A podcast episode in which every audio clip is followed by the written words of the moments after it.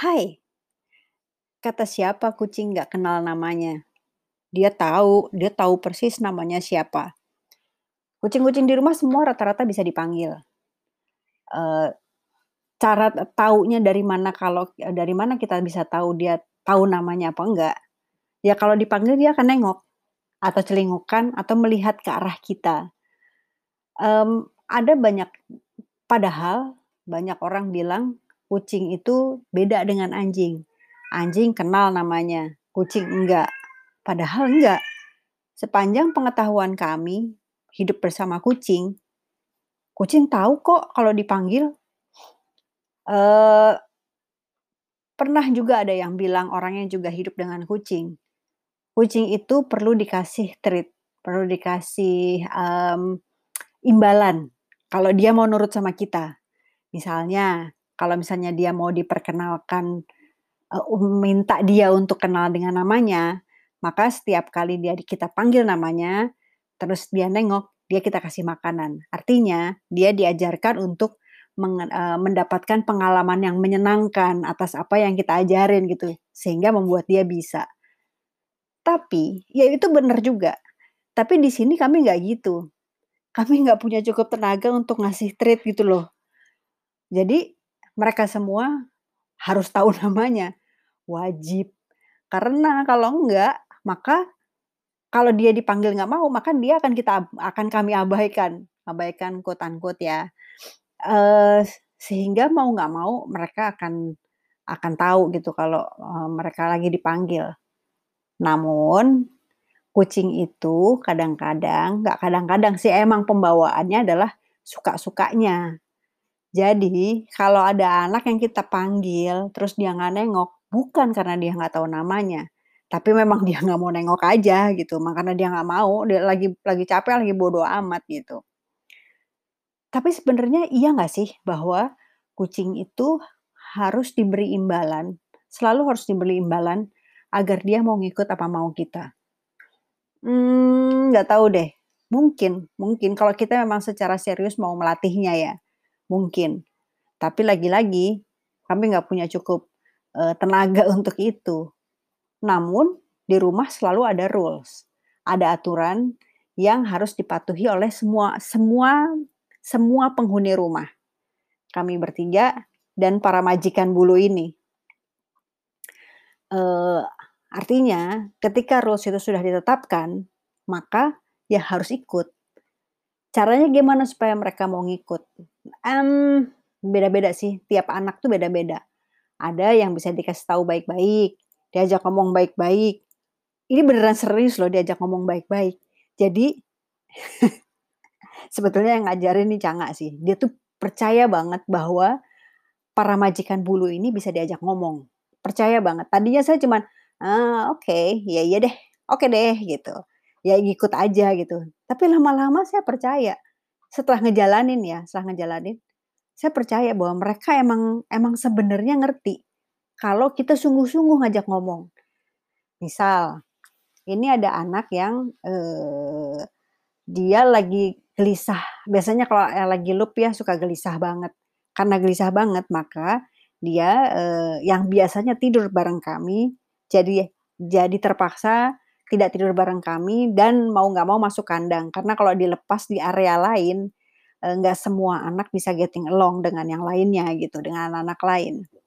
Nah, pada saat dia di eee, akan dibawa ke kandang, biasanya tuh mukanya sangat khawatir gitu, sangat worried, ada takutnya, ada cemasnya gitu.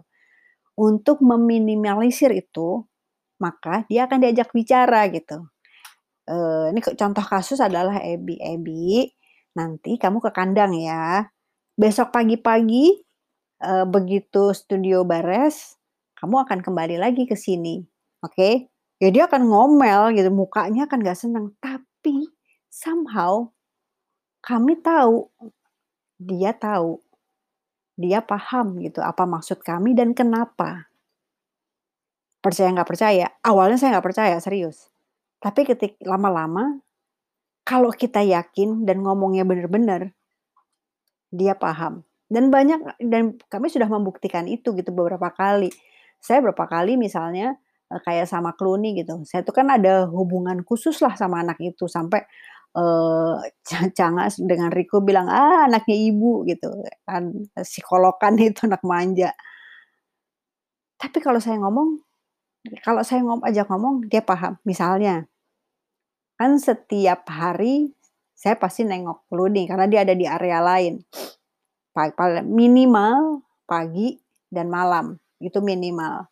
Dan setiap kali ketemu, pasti saya ngobrol-ngobrol, jadi ngadu-ngadu kepala gitu, ngelus-ngelus, ngajak ngomong, dan dia juga akan nyaut, ngomong, jawab, apalah gitu. Sekali waktu, saya nggak bisa lama-lama ngelus dia, karena ada hal lain yang harus segera dilakukan. Nah, jadi pada saat saya ngelus dia, cuman sebentar, habis itu saya langsung keluar dan dia marah. Dia ngomel gitu, dia ngomong dengan suara suara keras gitu. Terus saya balik badan, "Kamu kecewa ya? Aku cuma sebentar." Dia akan ngeong dengan suara yang berubah dengan agak ngambek dan iya, merengek lah gitu. Akhirnya sa sa saya samperin lagi, saya kami adu kepala lagi, lalu saya tatap matanya. Jadi biasanya saya kalau lagi, eee, lagi bercengkrama dengan Clooney, dia berada di atas rak yang eye level-nya sama dengan saya gitu, ketika kalau saya berdiri. Lalu saya depan-depan kan sambil megang kepalanya, terus saya bilang, "Clooney, aku harus ada kerja ada pekerjaan yang harus aku selesaikan, karena itu aku tidak bisa lama-lama. Nanti malam aku akan ke sini lagi, atau kalau misalnya kejadiannya itu malam, besok pagi-pagi aku akan ke sini lagi dan kita ketemu lagi, oke?" Terus dia, eee, diam, mendengkur gitu kan. Saya elus-elus sebentar, sekali lagi, saya keluar dan dia sama sekali nggak ngomong lagi. Tapi kalau saya nggak ngomong, saya nggak pamit, dia akan sangat rewel, ngomong terus, bahkan dia akan merengek di depan pintu gitu. Jadi itu indikasi bahwa dia paham. Dan itu sudah berulang kali berulang kali. Ada juga sih anak yang tambeng, kami tahu dia sebetulnya tahu, tapi dia nggak mau tahu. Kalau aku maunya gini emang kenapa gitu. Eee, dan setiap anak kan juga punya kebiasaan yang berhubungan dengan menyampaikan, eee, sesuatu kepada kami. Kalau Kutir, dia kebiasaan adalah, eee, membangunkan pagi-pagi.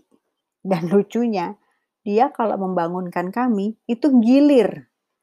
Jadi misalnya, kalau tadinya dia tidur di sebelah saya, dia akan bangun, membangunkan saya gitu, sampai saya melek, habis itu dia akan geser ke Canga, dia bangunin Canga gitu, gitu, sampai Canga melek, geser lagi ke Riku, terus sampai kami semua duduk dan bangun.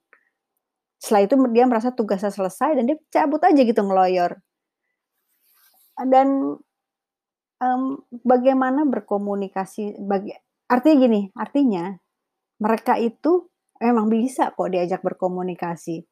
Mereka kenal kita seperti kita kenal dia, tanpa perlu diberi imbalan, tanpa perlu, eee, di di dirayu dengan hadiah gitu.